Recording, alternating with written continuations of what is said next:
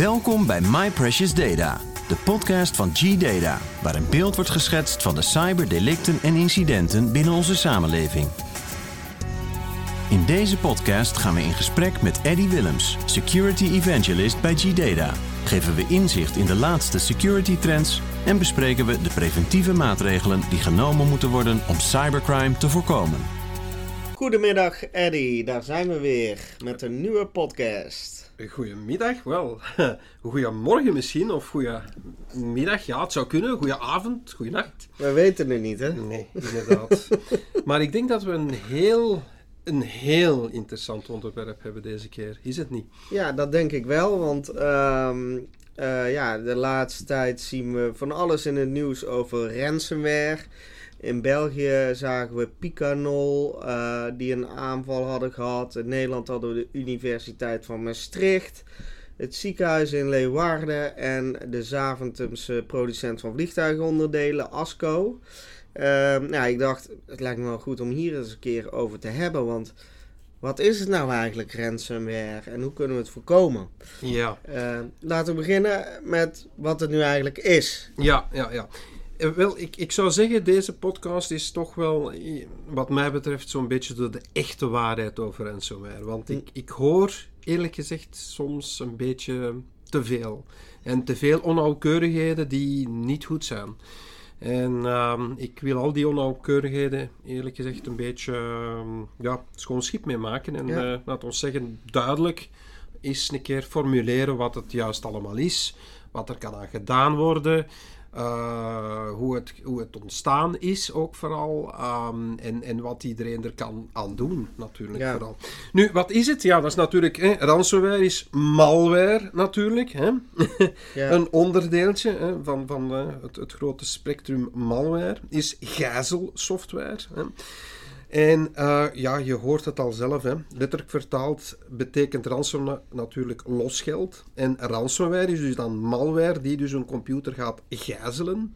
En ja. gaat blokkeren op die manier. En uh, vervolgens geld gaat vragen om die computer dan weer te bevrijden. Middels dan een uh, tegen betaling verstrekte code. En dan kan je in, de, in een heleboel gevallen natuurlijk dus terug uh, de controle krijgen over je toestel en over vooral je gegevens. Dat is ja. natuurlijk... Dat is in feite ransomware. Want zie, zie jij nu ook een toename? Of ligt het nou gewoon aan mij omdat ik nou in één keer veel meer in de krant komt? Of was dat altijd zo? Uh? wel, um, laat ons zeggen dat uh, ransomware ook al een tijdje bestaat. Daar komen ja. we straks wel op. Um, ik heb er ook al voor gewaarschuwd in, in mijn boek in 2013. Ja. en ja, je ziet hoeveel later we nu zijn. Um, het, het is een, een onderdeel van malware. Maar we zien werkelijk toch wel de laatste jaren toch wel iets meer een, een uh, toename. Okay. En toch meer dan we verwacht hebben zelfs. We hadden het wel wat verwacht, uh, maar toch. En dat is wereldwijd, uh, zien we die toename. Maar als we dan specifiek naar Nederland en België bijvoorbeeld gaan kijken, nou, dan zie je bijvoorbeeld dat de Nederlandse politie bijvoorbeeld afgelopen jaar 4690 keer aangifte heeft ge, uh, gekregen van dit specifiek soort cybercrime. Dus dat uh, is toch ja, wel... Dat is wel flink. Dat is flink, ja. ja. Dat is dus een uh, stijging van 64 procent uh, oh, ver wow. vergeleken met het jaar ervoor. Dus, Ja. en ook bijvoorbeeld het CCB in België bijvoorbeeld dan. Um, ja, gaf onlangs hetzelfde signaal. met ook een stijging van 1600 in het, het jaar ervoor. Met nu ook rond de 4484 uh, aantal ransomware aanvallen. Ja. Dus je ziet een beetje gelijk, ja. Um, natuurlijk moeten we nog altijd wel zeggen van kijk, uh, uh, ransomware is maar een heel klein gedeelte van die malware. Want Ja. veel mensen denken van ja, dit is nu malware. Maar uiteindelijk uh, gaat het hier over ja, een heel klein gedeelte. En het gaat hier echt over ja, enkele procenten. Ja. Um, al de rest van de malware, um, ja, die, die, en er zijn er 400.000 nieuwe uh, per dag tegenwoordig. We zitten rond het, uh, ja, 9, ja, ik ga geen getallen erop klappen, want, uh, maar in elk geval, de meeste van die, um, hoe zou ik het zeggen, van die malware is gewoon weer onzichtbaar. Ja. En die zie je niet. Dit nee. is de enige, bijna, die zichtbaar is. En het is natuurlijk ook de meest zichtbare. En dat is natuurlijk ook de lastigste voor de Ja. mens. En, en dat is natuurlijk het probleem. Hè? Ja. Ehm, en als je dat dan ook verder trekt, ehm, er zijn ook veel eh, MKB-bedrijven of KMO's hè, in, in België die slachtoffer worden van ransomware. Het zijn niet altijd multinationals. Nee, helemaal niet. Het, ik, ik moet eerlijk zeggen dat zelfs de grote multinationals, dat die het in feite graag goed doen. We hebben daar ook wel wat uitzonderingen in, maar eh, zoals Marsk en zo. Hè. Maar dat is dan ook enkele jaren geleden. Maar toch, ehm, het, is niet, het, het zijn vooral eerlijk gezegd de kleinere bedrijven die wel eh, geraakt worden. En, ehm, Hoe, hoe komt dat, denk je? wel, goh, ik, ik denk dat het een combinatie is van, ehm, ja, van, hoe zou ik het zeggen? Eh, ja, misschien toch iets minder beveiliging die ze hebben. Mhm. Ehm, ze gaan er toch ook minder eh, tegen aangooien, eh, wat kosten betreft. Eh, ze hebben ook niet dat grote budget. Nee. Eh, en ja, laten we zeggen, ook de, de, de, de gewone werknemer is natuurlijk ook niet getraind in het herkennen van een heleboel van die aanvalletjes. Want die aanvallen komen veelal van, ja, via de mens binnen. Daar gaan we het Ja. later nog wel Ja, over hebben. Hoor. precies. Nu, wat we wel zien uiteindelijk, want we krijgen toch wel wat eh, grote namen, zoals GandCrab bijvoorbeeld, die wij Mhm. bijvoorbeeld verleden jaar heel veel geteld hebben. Eh, meer dan 1100 nieuwe samples per dag bijvoorbeeld van GandCrab. Dus, eh, Ja. En versleutelt ook gegevens. En eist dus ook dat losgeld van de gebruikers. Hè. Maar het is wel een beetje raar, want langs de andere kant had die de groep dat erachter zat zijn activiteiten gestaakt. Eh, midden van het jaar. Maar blijkbaar is dat dan nog helemaal teruggekomen achteraf. Eh, Het eh, was nog allemaal gewoon verspreid en aan het ronddwalen. ja, het is natuurlijk verspreid. Het is ook nog altijd beschikbaar via een aantal webinterfaces en dergelijke. Ah, ja. En dat is natuurlijk de reden waarom dat het ook op die manier dus wel degelijk nog steeds bestaat. Ja. En waarom dat wij hem nog altijd heel veel zien. Ook ja, op, op, op de dag van vandaag, zal ik maar Ja. zeggen. Ja. Want ehm, stel dat ik word getroffen en eh, wat is eigenlijk de impact? Ja, de impact is in feite soms gigantisch. Hè? Eh, Ten eerste, ja, je, je ziet het duidelijk als het in het nieuws komt, eh, dat eh, je verliest er al direct ja, minstens een paar dagen, meestal weken, Ja, door. En downtown, ja, dat vertaalt zich in duizenden euro's en soms honderdduizenden euro's. Eh, en dan nog maar te zwijgen over de vertrouwelijke documenten bijvoorbeeld, die vaak verdwijnen. Eh, want Ja. dat vergeet men soms. Eh, een ransomware aanval is in feite ook een datalek. ja en dat wordt heel veel vergeten hoor. Dan kun je ook een boete krijgen. Ja, dan, ja, ook ja. dat op de koop toe nog. Ehm, en het is ook zo, ehm, experten hebben bijvoorbeeld nu ook uitgerekend dat elk jaar meer dan 10 miljard euro naar ransomware zou gaan. Dus dat zijn geen kleine bedrijven. En we hebben ook een eh, gemiddelde qua aanval. Als we dat in een bedrijf zien opduiken, dan ja, en dat is een gemiddeld bedrijf, niet Mhm. echt eh, klein, niet groot. Ja, dan zit je toch al direct rond de 140.000 euro dat men vraagt om die als losgeld dus. Hè. Ja, ja, ja. Dan ben je, eh, kun je gewoon failliet gaan, eh, bij wijze van Het, spreken. het, het kan, het kan. Er zijn, eh, pas op, er zijn voorbeelden van. Hè. Eh, er Ja. zijn al voorbeelden waar dat effectief een bedrijf zo getroffen is dat het inderdaad failliet gaat of dat Ja. het andere maatregelen heeft moeten treffen. Ja. Er zijn voorbeelden in Australië, er zijn voorbeelden nog in andere landen van dat stukje. Ja, spijtig. Ja. Jij zei net dat het al een tijdje bestaat, ransomware. Ja. Ehm, hoe is het ontstaan? Ja, wel. eh, in feite om het, de geschiedenis van het ontstaan te, eh, te scheppen, zal ik maar zeggen, moet je teruggaan naar... goh, ik zou zelfs naar 1985 gaan, Mhm. waar er een eh, programmeur voor, die werkte voor een Amerikaans verzekeringsbedrijf, ontslagen was. En dan heeft hij na een tijdje een soort van tijdbom laten exploderen. Nu zal je zeggen van, goh, dat is niet exact hetzelfde. Dat klopt. En dat is niet exact wat wij als ehm, ransomware eh, zien. Maar het gaat wel in die richting natuurlijk. Mhm. hè. Ehm, het gaat in die richting. Hetzelfde, eh, wel nou niet hetzelfde, maar in 1986 bijvoorbeeld hadden we de Brain eh, eh, virus. Dat is Ja. een diskette. En ehm, daar vroeg men bijvoorbeeld om het, virus te verwijderen. Het was een soort van copyprotectie als het ware. Maar om die copyprotectie te verwijderen, vroeg men gewoon om te bellen naar een telefoonnummer. Oh. Er zat niet echt een, een, een geldsom achter, maar je ziet, er zitten zo van die vormen in dat in feite... al een beetje van, Ja, nou, je het- moet een code Het hebben. ging, Ja, het ging precies. die richting uit uiteindelijk. Ja. Ja, ja, Nu, de eerste echte ransomware, wat mij betreft, is nog altijd de AIDS Information disketten. Oké. En wil dat nu, dat dat toeval, dat dat ook het, eh, ja, een beetje mijn levensverhaal geworden is. Oh. Ehm, ja, we zijn er verschillende keer voor geïnterviewd. Het, het, het is ook de reden waarom dat ik uiteindelijk ook in ehm, de security beland ben. En dan moeten we teruggaan naar 1989. In 1989 werkte ik toen voor een, ehm, een Belgisch verzekeringsbedrijf. Dat onderdeel was van de Nationale Nederlanden, de Ja. ING. Eh, nu. Ehm, en eh, ja, men, eh, dus men gaf mij een diskette in handen. Het was begin december 1989. En ik moest uitzoeken wat dat, die diskette deed. Nu, die diskette, daar stond op AIDS Information. dacht van, ah. En als ik die ook in de, in de PC stak, dan kwam er ook op eh, mooi in letters van, ja, dit is een onderzoek. Ja. En het gaat je vragen stellen over de ziekte AIDS. Mhm. En eh, ja, Het ging ook echt over de ziekte. Ja, AIDS. het- oh, het het, ging geen echt- afkorting. Nee, nee, nee, nee, toch niet. Nee, nee, het Oh, ging echt over de ziekte. En het ging dan werkelijk een beetje bepalen van tot welke groep je behoorde om al dan niet aids te kunnen krijgen of niet. Oké. Ehm, ja, ik heb dan die test gedaan, dat viel goed mee voor mij. Ehm, maar van de andere kant, ja, ik dacht ook al wel, ja, dat is een rare disket. Ik vond het toch een raar, eh, eh, Ja. eh, iets raars uiteindelijk. Nou, in ieder geval, ik ging naar huis. Ik- de volgende dag kwam ik terug binnen. Ik heb terug mijn computer opgezet. Ik dacht van, goh, toch raar, een aantal dingetjes dat mij opvielen. Ehm, bepaalde dingen die dat ja, precies niet meer zichtbaar waren. Maar ja, nou ja. In ieder geval, ik ging terug naar huis. De derde dag kwam ik terug binnen, dat was op de woensdag.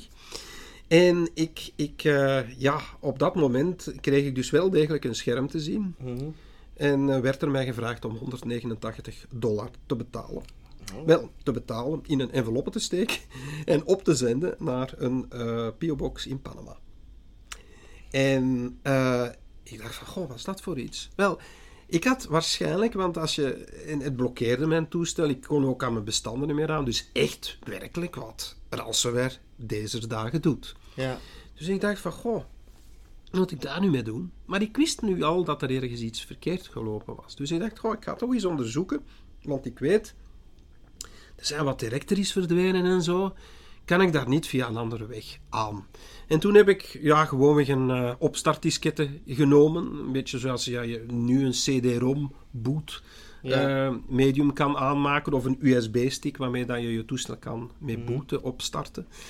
En ehm, ja, ik zag dat er effectief dingen verkeerd waren. Ik heb dan vrij vlug binnen de 10 minuten bijna een soort van anti middel, antivirusmiddel kunnen creëren, zal ik maar zeggen. Ik heb gans die zaak teruggedraaid en ik was in feite van het probleem af. Ja. Ik ben toen naar mijn eh, chef gelopen en, en, en, en mijn manager en toen gezegd van ja, hier klopt iets niet. Maar ik dacht dat er een probleem was met dat disketje. Maar als ik het goed bekeek, dan zag ik ook dat het in feite al in de End-User License Agreement aangegeven was. Ja, en wie leest natuurlijk de End-User License Agreement? Niemand. Niemand, inderdaad. Dus ik had dat ook niet gedaan. Nee. En letterlijk daar stond wel degelijk van, je moet 189 dollar betalen als soort van huurprijs voor deze disketten. Oh, oké. Maar ja, dat had ik dus niet gedaan. Uiteindelijk ja, had ik, eh, zat ik in de miserie natuurlijk. Maar ja, toch, ik had het vlug kunnen omklappen. en het werkte, mijn, mijn, mijn middel. En het was heel raar. En toen zat ik twee dagen later, eh, vlak voor het weekend, te kijken naar, naar een Belgische tv-zender. En toen eh zei men in het nieuws zoveel miljoenen schade, zoveel research verdwenen. Eh, en zekere Joseph Pop, een bioloog, zat blijkbaar achter dat eh, ding. En ehm, die had het ook uitgedeeld op de World, eh, de World Health Organization Conference. Was het een soort actie of een soort promotie? ja, een soort promotie, ja. En ja, dus heel veel research was verdwenen. Ik dacht Ja. van, ja, kom, gek, want ik heb een oplossing. En toen heb ik naar het eh, journaal gebeld en heeft men mij komen filmen de dag erna. Dat ging toen veel trager. Nu zou dat vijf minuten later geweest zijn. En, ehm, nou ja, dus op... En, en, en dat stukje ben ik in feite voor de allereerste keer in, in, op de media verschenen. En uh, ja, ik wist toen niet dat die disket in feite mijn leven ging veranderen. Maar Nee. uiteindelijk wel. En ik had toen werkelijk te maken met de allereerste ransomware disketten. En het gekke van de zaak is dat ik ze nog altijd heb. ja, ze hangt aan de muur. Als, Ze hangt aan, ja, ja, bij mij is het... Het is ook een van de enige exemplaren, fysieke exemplaren, die nog bestaan die in de wereld. zijn. Ja. Er zouden er maar twee of drie bestaan nog in de wereld op dit moment. En dat is er dus eentje van. ja, bijzonder verhaal. Ja, het is een heel eh, gek verhaal. Men heeft me er ondertussen al duizend euro voor geboden en zo. Maar ik geef ze niet weg hoor. Het is mijn verhaal, het is eh, mijn disket. Ze blijft aan de muur hangen en ik... eh, nou ja, het is... eh, nou ja. Maar hoe raken we nu besmet door ransomware? Ja, wel, eh, veel, ik, ik zie heel veel kranten en heel veel magazines soms eh, verschijnen met zeer fantastische titels van hoe geavanceerd is deze aanval.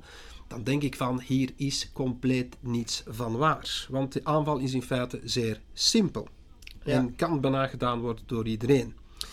Het is namelijk zo dat je moet kunnen aan phishing doen. Ja. En phishing kan bijna iedereen doen. Ja.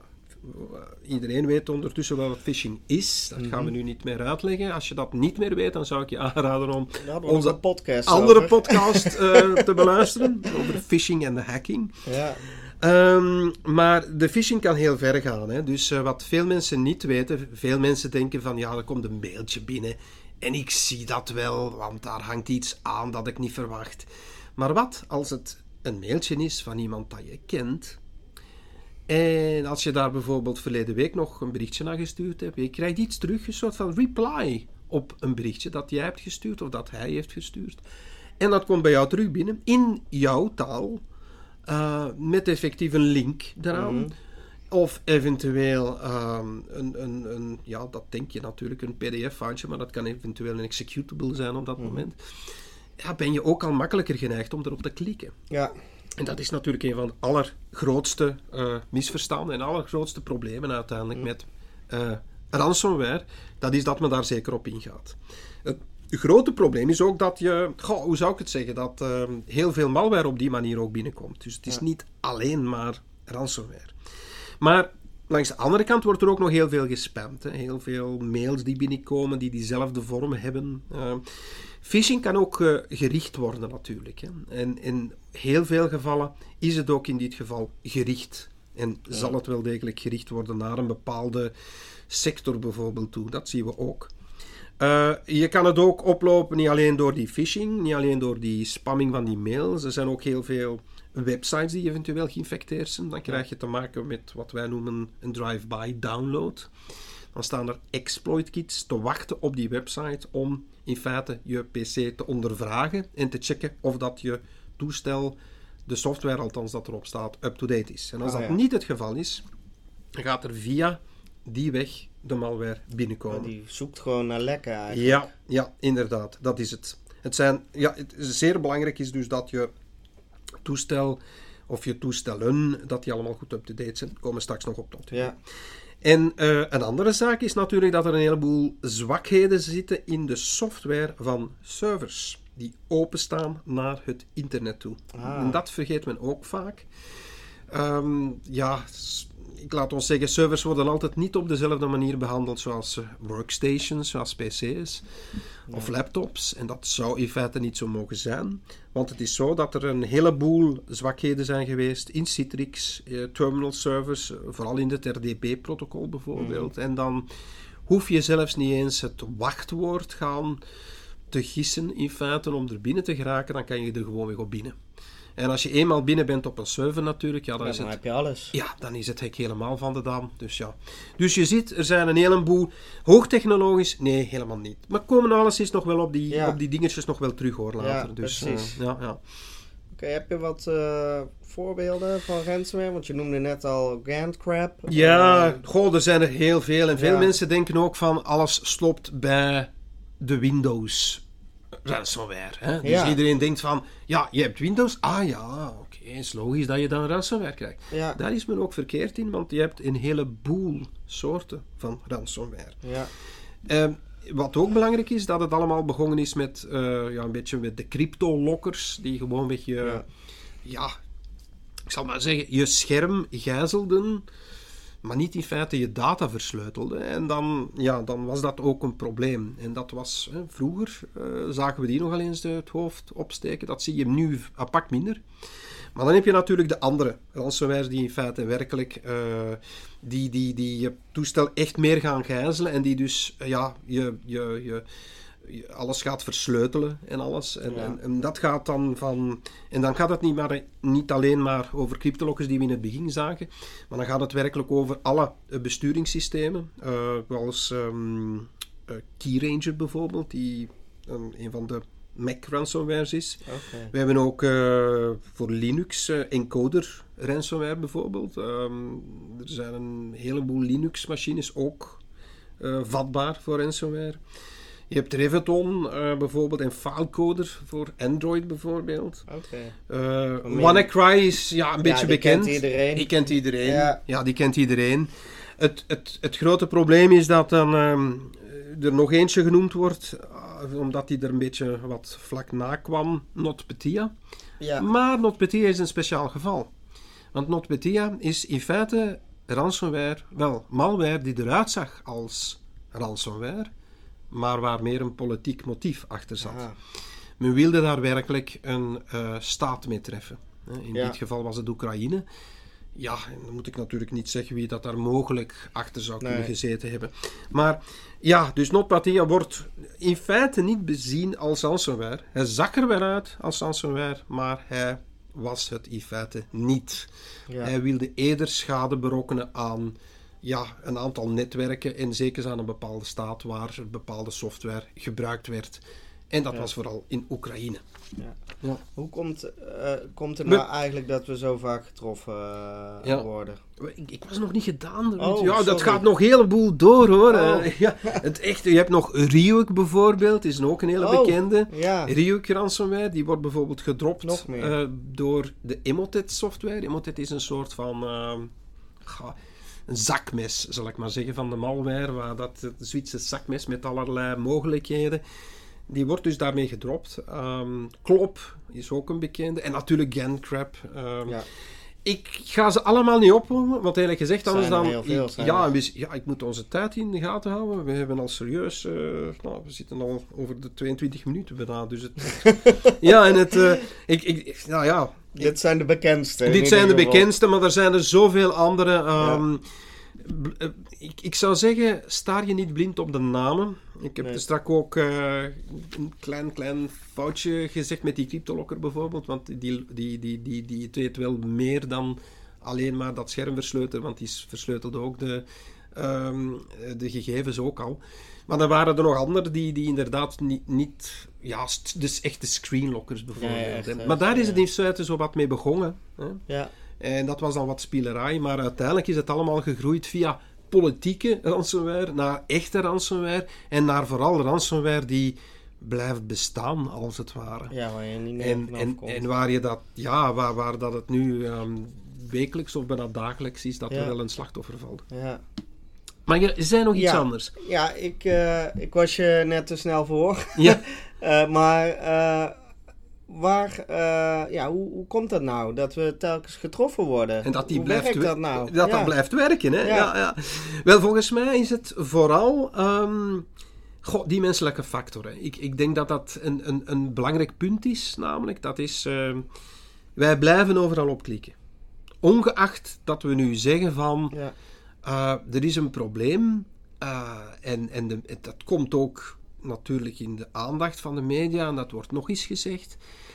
Er zijn een heleboel mensen die het stilletjes aan beginnen door te hebben. Maar er is nog een hele grote groep die het niet doorheeft. Nee. En als men dan toch iets binnenkrijgt van iemand die het men kent, of waar dat men toch iets van zou kunnen verwachten, en het is natuurlijk net daar waar het probleem scheelt, wel, dan gaat men daar toch op in. En, en, en ja, en, en, dan is het hek van de dam soms. Eh, Ja. Hoeft niet altijd, want als je dan een goede beveiliging hebt, zou het ook goed moeten zijn. Maar daar is dan het tweede element. Ehm, wel, mensen vergeten gewoonweg de servers en soms ook workstations te updaten.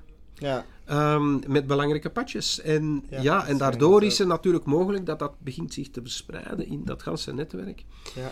Een andere mogelijkheid, en ja, slecht beheer van rechten in een bedrijf is heel typisch. Um, met andere woorden, er worden te veel administratorrechten gebruikt in een bedrijf. Waar iedereen erbij kan. Uh, ja, eigenlijk, iedereen. Ja, er zijn echt bedrijven waar dat je ziet van goh, iedereen heeft hier administratorrechten en iedereen kan alles installeren op zijn alles toestel. Ja, Dat kan niet. niet meer anno 2020 en later. Dat is onmogelijk, vind ik. Maar toch. ja, Ehm, er is soms ook, wat men soms vergeet, geen security policy achteraf bezien, zodanig dat men niet kan terugvallen op iets. Men heeft geen goed zicht op de zaken. Men heeft geen noodscenario dat niet uitgetest is. Dat is ook iets belangrijk. En men heeft soms gewoon geen goede backup. nee, En, dat en, ja, en, is, en, eh, en dat is natuurlijk ja, dat is wel key in, in, Ja. in, in, in het terugzetten van alle dingen. Maar vooral, hoe komt het nu dat we met die ransomware zitten? En dat is het, wat mij betreft het meest, meest belangrijke. Ja, En dat hebben we ons allemaal zelf aangedaan. En ik weet het, Nederlanders, en ook België, maar vooral Nederlanders zijn gek op cryptomunten. Ik kan je verzekeren, het is net omdat cryptomunten bestaan dat we ransomware hebben. Bestond dat niet, dan hadden we geen ransomware. Heel simpel, want dan kan je veel makkelijker natracen. traceren waar Ja, het wie, blijft. wie, ja, wie heeft, wie zit daarachter? Ja. Maar dat zien we nu niet. En dat is het probleem. Dus we moeten van de crypto af, als ik het... eh, Wel, ja, het, het- ja, dat is natuurlijk een probleem. Hè. Hoe raak je daar nu nog vanaf? ja, ik denk dat dat niet zo'n eenvoudige eh, zaak is. Nee. En eh, waarom is eh, ransomware, eh, ja, naast die crypto eh, munten natuurlijk, maar waarom is het eigenlijk lastig te detecteren? Want we hebben natuurlijk ook gewoon onze security software. Ja, maar dat detecteren dat gaat omdat die ransomware gebruik maakt van een heleboel speciale technieken. Ja, Dit kan een klein beetje, dus de volgende paar minuten zijn een beetje meer technischer dan anders, maar ja, we gaan dat er toch bij nemen, Ja. denk ik. Ehm, voor de techneuten denk ik dat dat wel interessant is. In elk geval, men beschikt vooral bijvoorbeeld over eh, traffic anonymizers, zoals ja, die bitcoins bijvoorbeeld. Hè. Of Tor, men maakt soms ook ja. gebruik van Ja. Tor om tracking te voorkomen. Dus men kan bijvoorbeeld de traffic compleet sturen via Tor. ja, Ehm, de communicatie van de Command and Control Service, met andere woorden, de service die in contact staan met die ransomware, die is gecodeerd en is dan ook moeilijk te detecteren in het netwerkverkeer. Dus je kunt dat heel moeilijk doen. Eh, men gebruikt ook ehm, anti-sandboxing mechanismen, zodat antivirus-analyse-technieken het niet zullen oppakken. wat is dat? Een anti-sandbox? Ja, wel, dan gaat men, eh, ik zal zeggen, eh, we gaan, men gaat in feite letten op het feit van, gebruikt men, ehm, ik zal maar zeggen, eh anti-sandbox technieken die wij gebruiken als researchers, Mhm. die, ja, daar zitten een aantal trucjes in om te zien van, is dit nu, om te onderzoeken dat we met malware te, te maken hebben of niet. Nu, Oh ja. sommige ransomware kan dat zien. En kan zien dat wij bijvoorbeeld in een virtuele machine bezig zitten. Ik zeg maar iets. Om Ja. ons onderzoek te doen. Of om te tracen van Mhm. dit gaat over ransomware, om te onderzoeken. En als zij dat zien, dan gaan zij geen ransomware techniek toepassen. Dus wij kunnen op dat moment die, Ja. geen analyse doen van, d- van de echte ransomware die misschien al binnengekomen is, maar die we gewoonweg niet zien, omdat die zich niet voordoet als ransomware op dat moment. Ja. Ja. Ehm, domain shadowing om exploits te verbergen en de communicatie tussen de verborgen downloaders. Wat is dat nu weer, zal je zeggen? Ehm, domain shadowing is in feite ehm, heel simpel. Dan ga je bijvoorbeeld een stukje van een bekend domein misbruiken. En daar ga je dan de Ja, malware opzetten. Ja. Eh, dat kan, ik zeg maar iets, is een stom voorbeeld, maar stel nu dat je ehm malware.google.com Ja, zou precies. gebruiken. Ja. Je gaat nooit google.com, ga je nooit, eh, Die vertrouw je. die ga je Ja. vertrouwen, dus je gaat die nooit blokkeren. Maar in dit geval zou je wel moeten blokkeren. Maar dat kan even goed dus met een ander. Ik geef Kan nu Google. bank zijn. ja, of, ik geef nu eh, Google ja. als eh, voorbeeld, maar dat kan. Ja, je bank nu niet. Maar ehm, laten we zeggen, dat kunnen andere domeinen zijn die al wat anders zijn, maar dan Ja, logischer zijn om toch niet te blokkeren. Gewoon een bekende nieuwssite Ja, of eh, zoiets waar zoiets, je normaal juist, ja, ja. Oké. En daar heeft men dan in toegehakt en daar heeft men dan in dat stukje heeft men dan die malware gezet, in dit geval de ransomware. Ja. Uh, soms beschikken die dingen ook over fast flux, zoals we dat noemen, of fast flux. Dat is een techniek die gebruikt wordt om de bron van de infectie te anoniem te houden. In feite wat men doet, men wisselt in feite die IP-adressen constant en met een hoge frequentie door de DNS-records te wijzigen. Mhm. Daardoor is het heel moeilijk om ook te gaan zien van waar komt dat ding vandaan. Ja, ja. Dus ook weer zoiets. Maar, maar, maar dan kun je het hebben terwijl je het helemaal uh, niet weet. Uh, ja, nee, zo moet je het niet zien. Je moet het eerder bezien als een soort van techniek die er, gemaakt, die, die er is. Het wordt veel gebruikt hoor, uh, door anderen maar weer ook. Uh, om, ja, om, om moeilijker te tracen. Ja, precies. omdat die, die, omdat die telkens eigenlijk op en neer gaat, de frequentie. Ja. En dan uh, ja, gecodeerde payloads die uh, niet zo simpel voor het uh, antiviruspakket te vinden zijn, bijvoorbeeld. En vooral, en dat wordt soms vergeten, er is ook heel veel polymorf gedrag. Wat betekent dat? Dat de ransomware kan muteren. Dus dat, hmm. ja, dat klinkt als een griep, bijvoorbeeld. als een echt virus. Ja, ja, ja. ja, ja. Eh, nu dat we het allemaal over corona en dergelijke hebben, is dat... Ja, maar ja, die kan ook muteren. Dat is effectief ook iets wat dat uh, ransomware kan doen. Dus uh, een andere vorm kan... Dus een nieuwe vorm die verspreid wordt, uh, een, enkele minuten later, kan bijvoorbeeld er helemaal anders uitzien. Ja, ja, ja. Nou, we zitten al een beetje aan de tijd, dus ik stel voor dat we de volgende podcast uh, nog eens verlengen. Uh, ook over ransomware. Ja. Wat zou je dan kunnen vertellen, Eddie? Want volgens mij uh, zijn er nog honderden. Ja, we, zijn, ja we zijn er nog helemaal niet. Hè. Dit is, was deel 1 als het ware. Ja. Hè? Maar er komt echt een deel 2. Wat we in dat deel 2 gaan zien is bijvoorbeeld de stappen die een hacker toepast oh als hij je netwerk viseert bijvoorbeeld. Ik heb het min of meer al gezegd hoor, maar toch, we gaan er nog eventjes op in, omdat dat toch wel iets is wat dat, uh, heel veel mensen toch vragen over hebben. Mm ten tweede, wat kunnen we doen om onszelf of ons bedrijf te beschermen? Het gaat echt over bedrijven ook in dit geval, kleine bedrijfjes.